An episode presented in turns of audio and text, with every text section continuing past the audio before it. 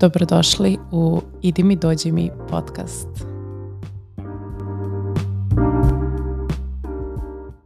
Zdravo svima i dobrodošli u novu i prvu epizodu Idi mi dođi mi podcasta. Moje ime je Maša Vlahović i danas imam tu privilegiju da ugostim ne samo Tamaru Vlahović, nego i moju mamu i neko ko je u stvari tvorac cele priče koja stoji iza Life of Mind studija. Dobrodošli. Je. Pravit ćemo se kao da do sada nismo imali jedno sedam tonskih i video proba i da u stvari se sad tek susrećemo. A... Mnogo ti hvala Mašo. Ja sam ona majka jedinica ove iste Maše i baš sam razmišljala ko će ti biti prvi gost, tako da sam neizmerno zahvalna što si baš mene pozvala da budem danas na ovom prvom podcastu baš ja gost. Sem što a, je Tamara gost danas, ideja je da u prvoj epizodi podcasta u stvari objasnimo poentu i šta je ono što stoji iza Idi mi dođi mi podcasta i zašto će on biti u stvari drugačiji u odnosu na sve ono što je trenutno dostupno na tržištu, jer možemo svi da ono, priznamo činjenicu da podcasta ima sve više i više i svako se sada bavi nekom vrstom deljenja znanja, što je čar 21. veka, 2023. godine i onoga što nam tehnologija omogućava to je neprestalno i neometano deljenje znanja. Zašto je idi mi, dođi mi, idi mi, dođi mi? A, može prvo Tamara da podeli svoje mišljenje s obzirom da smo obe bile duboko u kreativnom procesu stvaranja svega ovoga, tako da prvo želim da čujem tvoju perspektivu, a onda će ja da podelim moju perspektivu.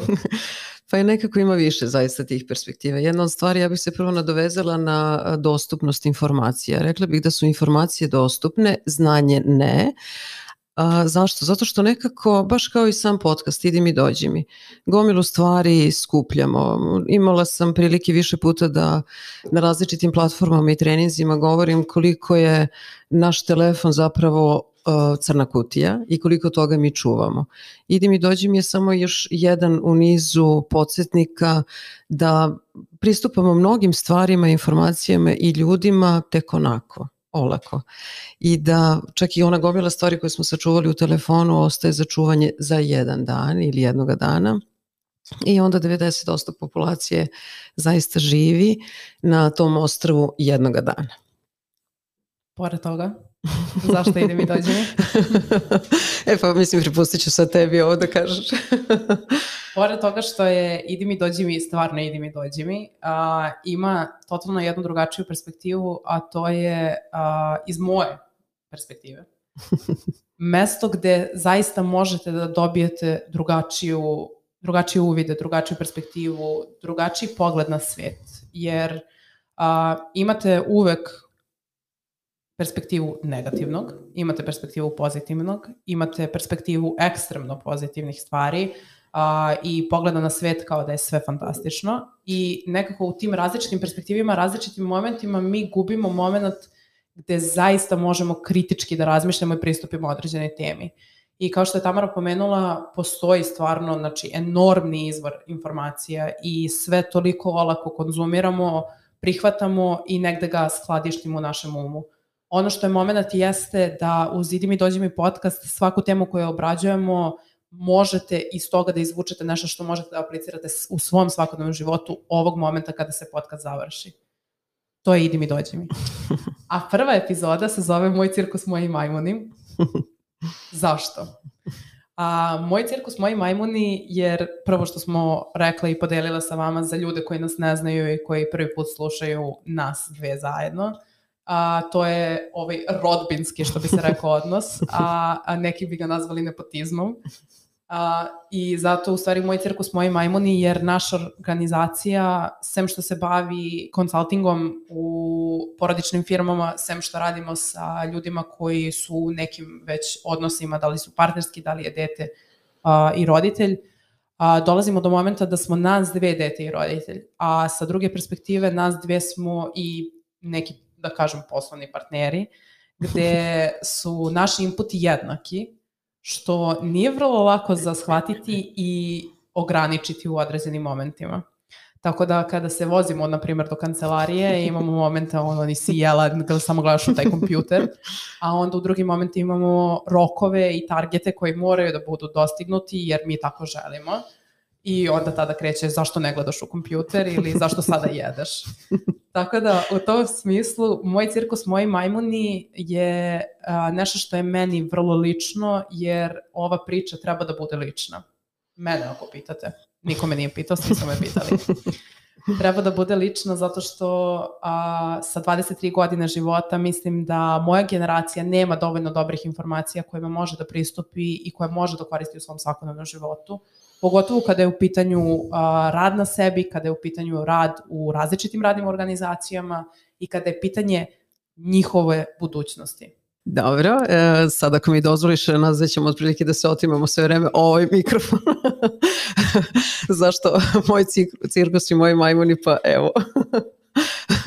dakle, jedna od stvari je e, spomenula si nepotizam. Postavlja se pitanje e, kako napraviti neku granicu i kako zapravo procesuirati te neke informacije. Kad u kojim momentima smo mi zaista partneri, saučesnici u nekom razvojnom, posebno ovom putu ili profesionalnoj orijentaciji, a kad zaista mogu sebi da dozvolim da budem samo jedan zabrinuti roditelj ili neko ko zapravo ima one ljubavi, između ostalog e, one brige koju svaki roditelj treba da ima. S obzirom da je redko ko u, u ovakvoj situaciji i okolnostima da radi sa porodicom mhm. svakodnevno mhm. i kogoda jeste u takvoj situaciji, vrlo je svesan toga da to nije jednostavan posao i da zahteva jako jasne postavljene granice. A, međutim, to neće biti tema ovog podcasta i neće biti tema današnjeg razgovora. Dolazimo do prvog pitanja. A prvo pitanje je u stvari ključno za sve one koji nas prvi put gledaju ili za one koji se prvi put susreću sa Tamarom. Jer ja ću ovde uh, željem da ostanem u senci jer želim da saznamo što više možemo o Tamari.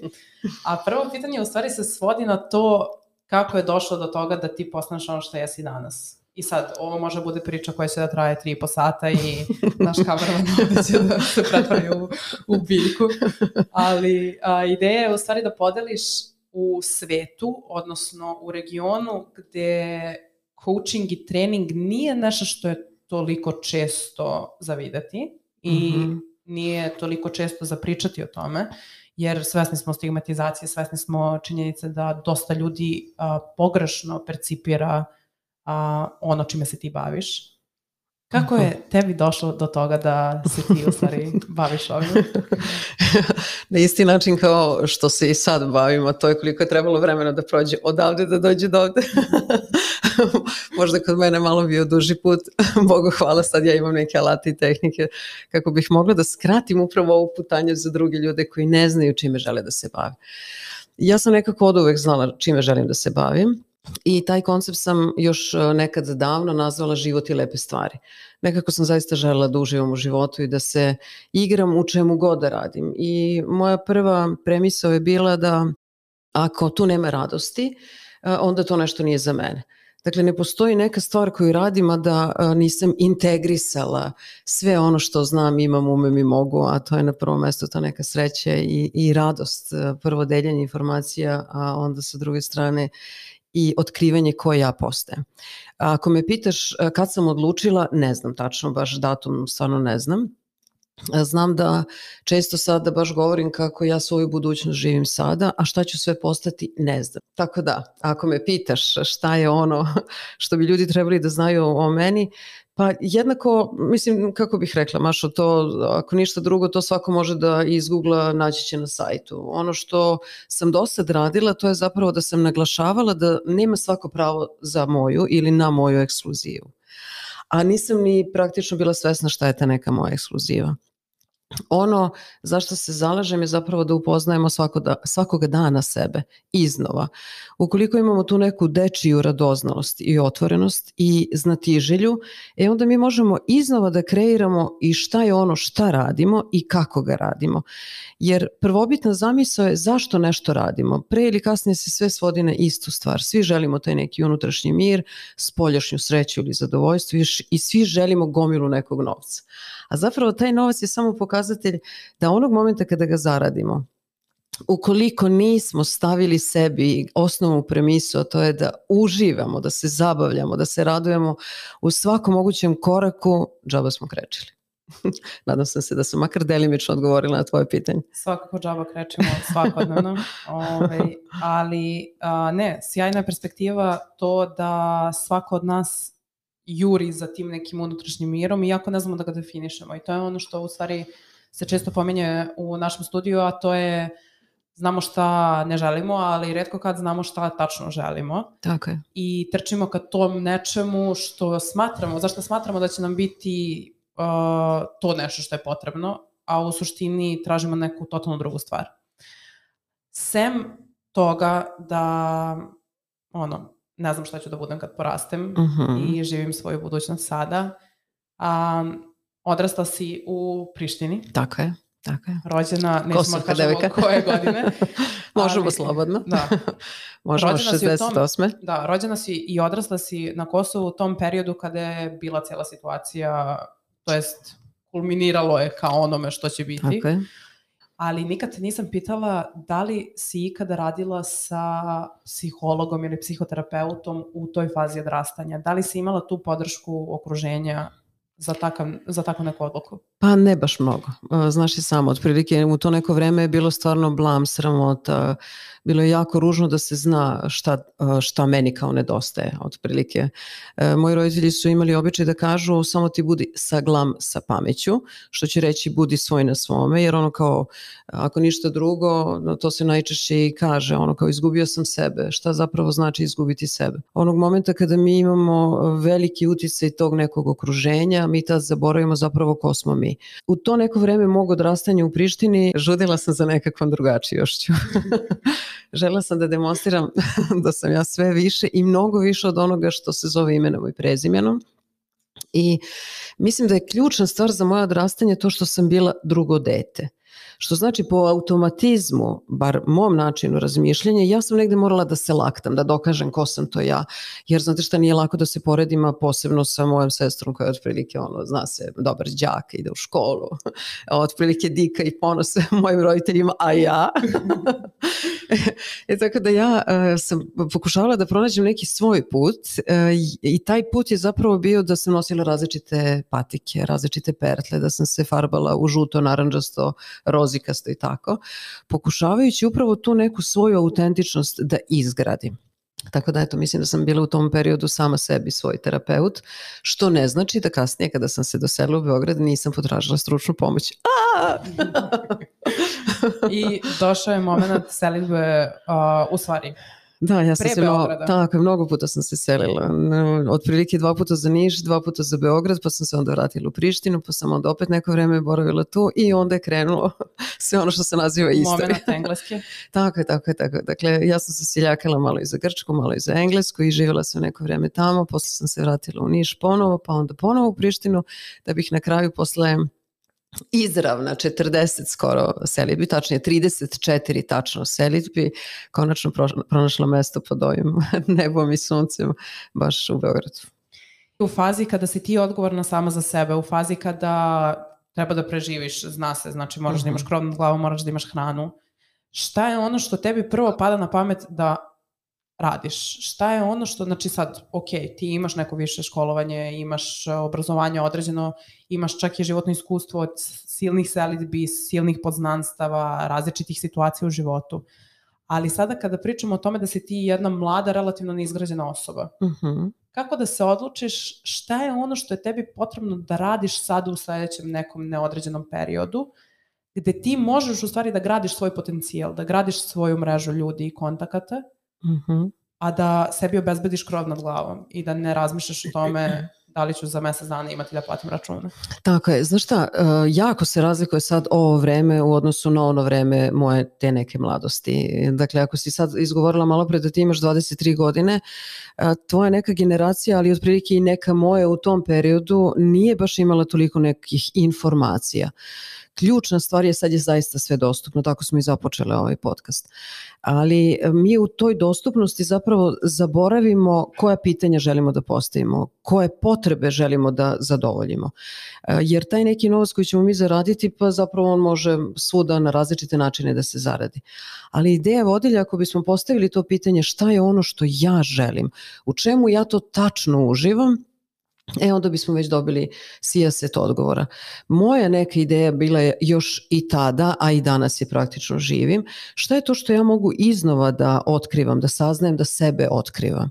Jer dok ja otkrivam neke informacije, ja zapravo otkrivam i svoj potencijal. I mislim da je to najvažnija stvar. Druga stvar koja je jednako važna, to je takozvano uslovljenost društvu ili ti društvom. Negde smo skloni da potpadnemo pod uticaj društva, da je i, godinama bilo sve isprogramirano za nas, da se tačno znalo kada idemo u određenu, ne znam, vrtić, pa školu, pa srednju školu. U moje vreme odrastanja podrazumevalo se da moramo da budemo dobri đaci kako bismo upali na budžet. Mislim, to je negde bila premisa, ono kao zašto bismo bili na Ja verujem da je to i dalje premisa u 21. Pa veku da. i 2023. godini. I, e... i ok je, shvataš, dakle ok ako imamo mogućnosti da zaista znamo kako se uči. Jer mislim da je zaista najveći problem što mnogi ljudi ne znaju kako da uče.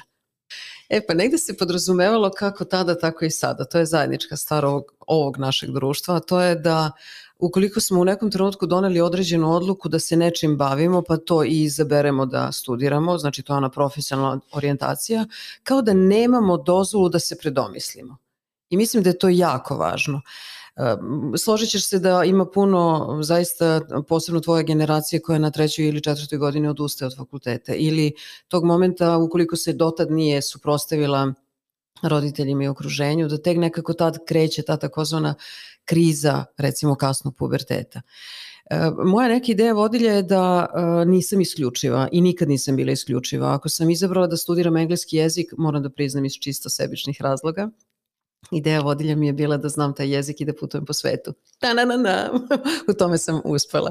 Znači, putujem po svetu i znam taj neki jezik. E, i tu bih voljela da kažem, preno što mi postaviš na ovo pitanje, jezik je potreban apsolutno za sve, šta god radili čime god da se bavimo, ali taj jezik je zapravo ono i način na koji mi komuniciramo sa sobom. Ok, i sad kad smo otprilike saznali šta si radila, na koji način si radila, šta ti se sve dešavalo u detinstvu, u ranom odrastanju, Mene zanima, znači, od karijere nekoga ko je organizacioni savjetnik, merchandiser, dizajner interijera, silno nagrađivan. A, kako dolazi do situacije da se ti upoznaš sa NLP-om? E pa znaš šta, mnogo pre NLP-a su krenule neke moje edukacije. Dakle, ono formalno obrazovanje, evo sad sam spomenula. Međutim, ključna stvar je u tom neformalnom obrazovanju. Od uvek tragam za nečim što bi zapravo bilo celoviti pristup čemu god, ali na prvom mestu čoveku. I jedna od stvari recimo koja je meni bila interesantna da sam sa 19 godina praktično krenula tim nekim putem da istražujem i ko sam to ja i zašto mislim kako mislim i zašto govorim kako govorim. Zašto ponekad jedno mislim, drugo radim, treće govorim. Često govorim to, niđe veze jedno sa drugim. Tako da sam se sa NLP-om srela mnogo ranije nego zvanično, negde zvanično formalno je 2008 i uh, složit ćeš se da si mi ti bila jedna od mojih omiljenih zamorčića. da, to je bilo u stvari u suštini sledeće pitanje vezano za tvoje putovanje sa NLP-om, a to je uh, NLP u stvari usklađivanje NLP-a kao edukacija na koju ti ideš, uh mhm. -huh. NLP-a kao istraživanja, planiranja svega onoga čime želiš da se baviš u budućnosti i moje odrastanje. Uh mhm. -huh. Tako je, znaš šta, meni je ono što je najinteresantnije, bilo da je formalno ili neformalno obrazovanje, u svakom trenutku mi je bilo važno kako da to nešto što učim mogu istog momenta da primenim. I NLP mi je baš dao te alate, kako da. I to mi je negde bilo najdragocenije. Što znači, u tom nekom periodu znaš i sama, ako ne znaš da te podsjetim, verovatno imaš iskrivljenu sliku. Bože, dobro. To je taj neki tvoj pubertet koji bi ti sigurno onako kao kroz maglu mogla da nazoveš kako god. Za ja mene u najmanju ruku bio izazov. e, i onda mi je ta NLP stvarno fenomenalno koristio. Bukvalno ono kako da te motivišem, da ti središ svoju sobu. kako da te motivišem da ostaneš na nekim onim porodičnim okupljanja. A šta ti je, NLP NLP doprineo u kontekstu a, profesionalne orijentacije? E, a, odlično pitanje. Znači, šta je poenta? A, sad ću na jedan šaljiv način da izgovorim, a to je ako sam uspela da tebe motivišem, pa mislim za svaku firmu je to onda prava sitnica. A, sam podcast kaže ide mi, dođi mi. Tačnije, ako sam malo prespomenula da radim sa porodičnim firmama, pre svega, onda je bilo jako važno da razumemo ko zapravo donosi te neke odluke koje su to neka pravila koja trebaju da se poštuju u nekoj korporaciji ili u nekoj firmi. I onda je ključna stvar bila to je ta neka veza. Ta veza kaže ovako, ako je Ima vlasnik, neka tajna veza? Da, uvek ima tajna veza a to je ako je neko vlasnik, direktor, osnivač, njemu je najlakše da neke stvari razume. I šta je recimo bio najveći izazov? U svakoj porodičnoj, pa evo sad primećeš i kod nas, u našoj porodičnoj firmi, mora da postoji neko ko zapravo donosi neke odluke i ono što je ključno, ko će to, te odluke da sprovede. E, to mi je jako pomoglo u NLP-u. Znači, na prvom uh, mestu uh, nekako radila sam sa uh, zapadnom Srbijom najviše i onda su tražili da tu neku metodologiju prilagodim ovom našem podneblju. I upravo sprega šta je ono što mislimo, kako govorimo i šta radimo je zapravo jedan od pokazatelja kako NLP funkcioniše.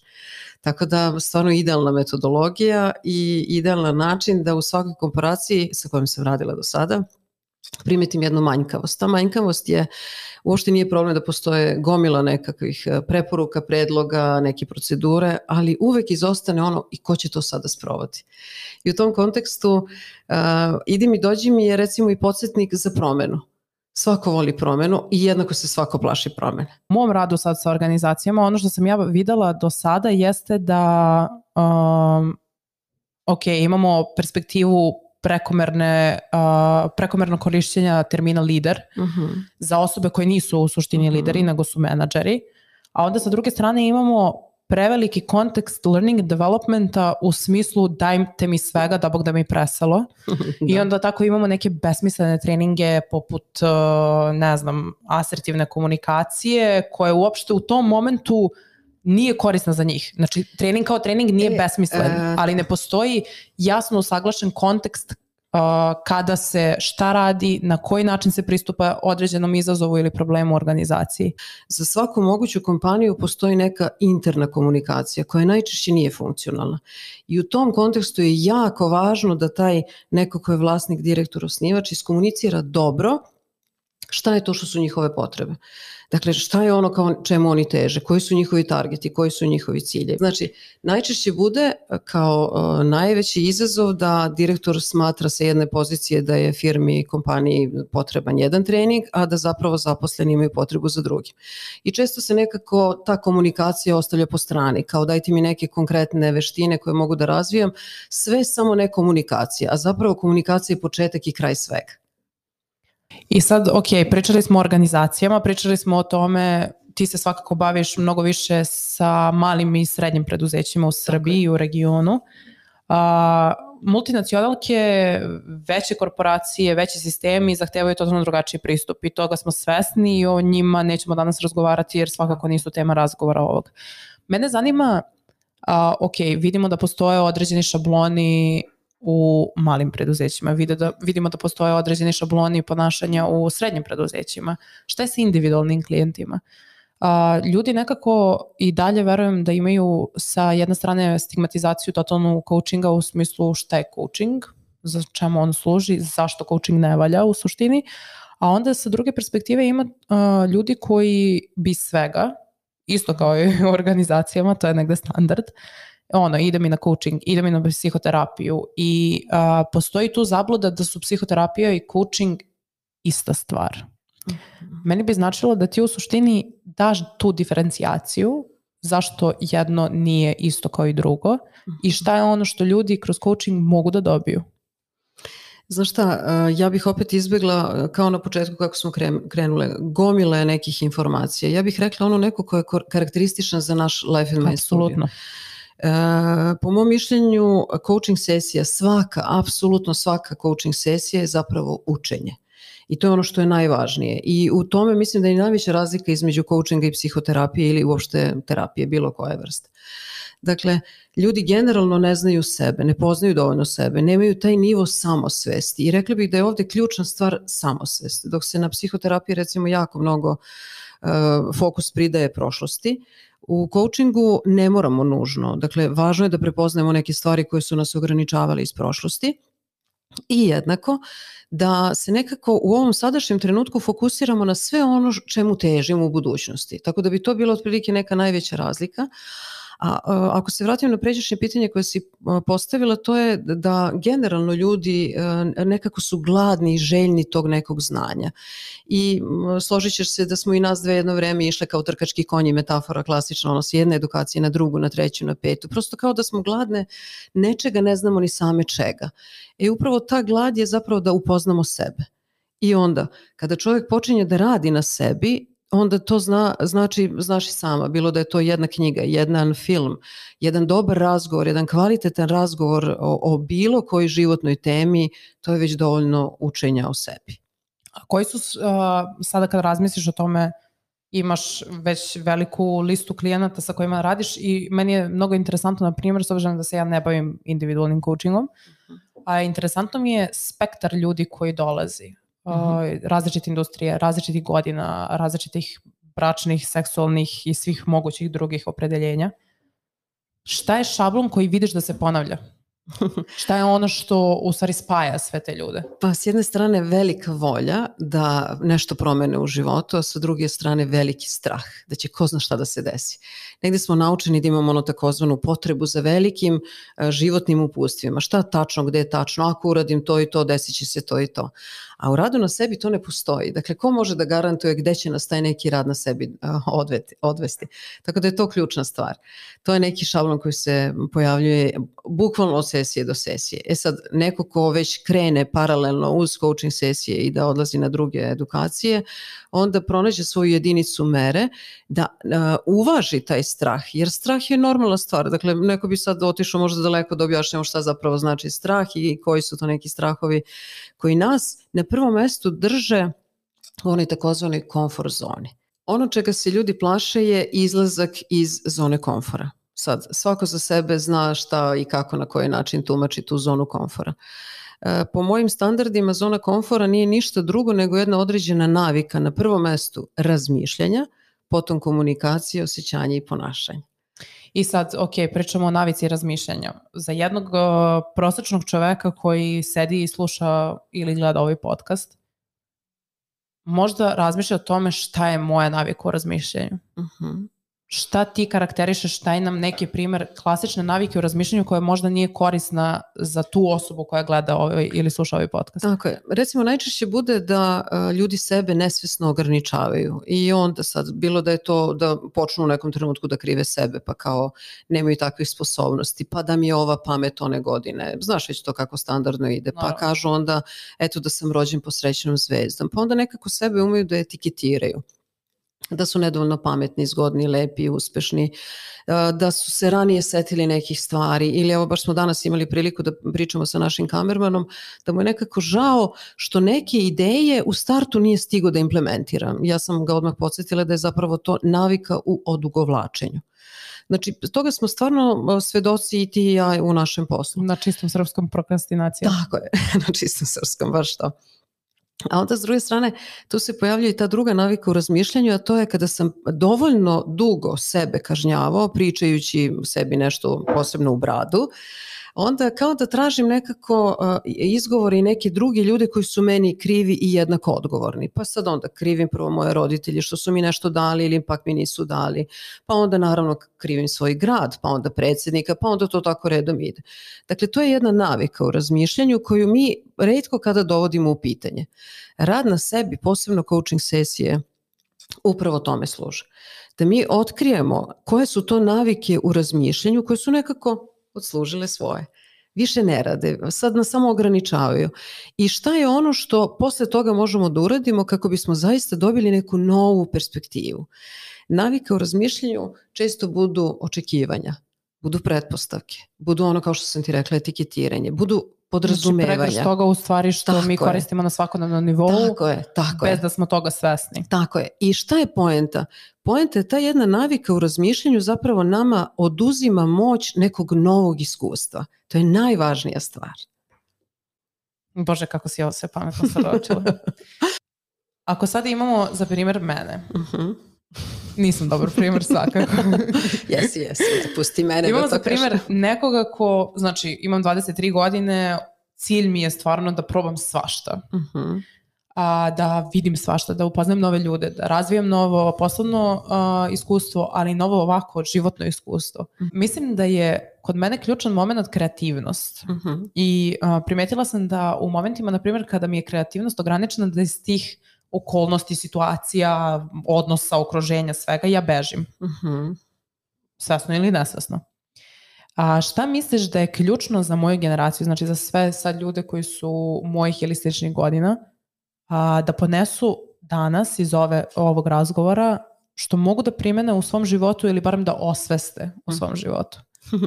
Znaš šta, a, samo ti kažem, ti si izrod, da ne krešem, ekstrem. A, lepo si spomenula kreativnost. Postoji neko mišljenje, uvreženo rekla bih, da ljudi generalno za sebe misle da nisu kreativni. I to mislim da je ključna stvar koja njih sputava da oni pokažu neku inicijativu. Što znači, ja nekako na mojim edukacijama baš osnažujem, puno mladih ljudi na edukacijama ima, gde ih osnažujem da moraju da imaju prvo ili da razviju ukoliko sada nemaju to neko kritičko promišljanje kako bi mogli da dozvole sebi da puste mašti na volju. Jer ne, nisi ti jedna jedina koja želiš i da vidiš sveta i koja, koju interesuje gomila nekih stvari. Ali kako ćeš znati ako ne, ne staviš ono taksativno prvu, drugu, petu, sedmu stvar. I mislim da je tu jako važno što ne samo tvoja generacija, generalno ljudi gube fokus. Tačnije, imaju opet onu naviku razmišljanja da to nešto što čime žele da se bave i čemu su posvetili neko vreme mora onako taksativno da ide prvi korak, drugi korak, peti korak, pa onda čim nešto preskoče, oni zaborave zapravo da budu fleksibilni. NLP metodologija između ostalog kaže svaki pojedinac u određenom trenutku, ukoliko ne zna šta mu je cilj, on će biti sredstvo u ostvarenjima tuđih ciljeva. Znači, kreativnost svako od nas posjeduje. Poenta je da smo mi zacrtali i zamislili da neke stvari moraju da funkcionišu na određene načine. I tu sam sklona da kažem i da posjećam uh, i moje studente i moje učesnike, Studente. pa studente sa kojima radim, Polovne. često na- posebno na, na temu motivacije, da dozvole sebi da ne rade ništa da dozvole sebi časove dokolice.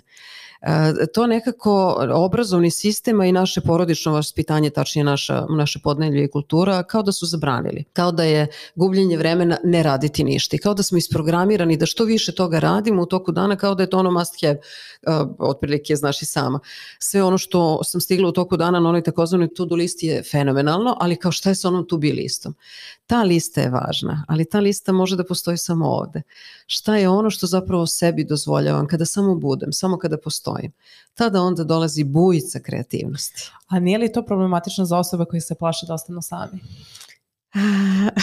Pre ili To je kasnije... ono pitanje, izvini što sam te prekinula, ali to je ono pitanje koje stalno postavljaš koje je meni vrlo interesantno, to je da li ste sebi najbolji prijatelj ili zakleti neprijatelj. Tako. U tim momentima ljudi u stvari mogu da osveste da li njihov um radi protiv njih ili za njih.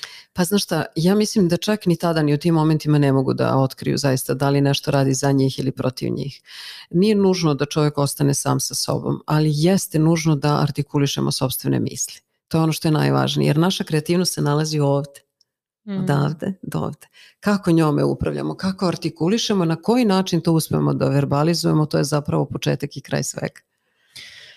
Zahvaljujem na ovom vrlo interesantnom a, razgovoru koji je otišao, moram priznati, u totalno neki drugačiji smer nego planirano. Za kraj, voljela bih da ti...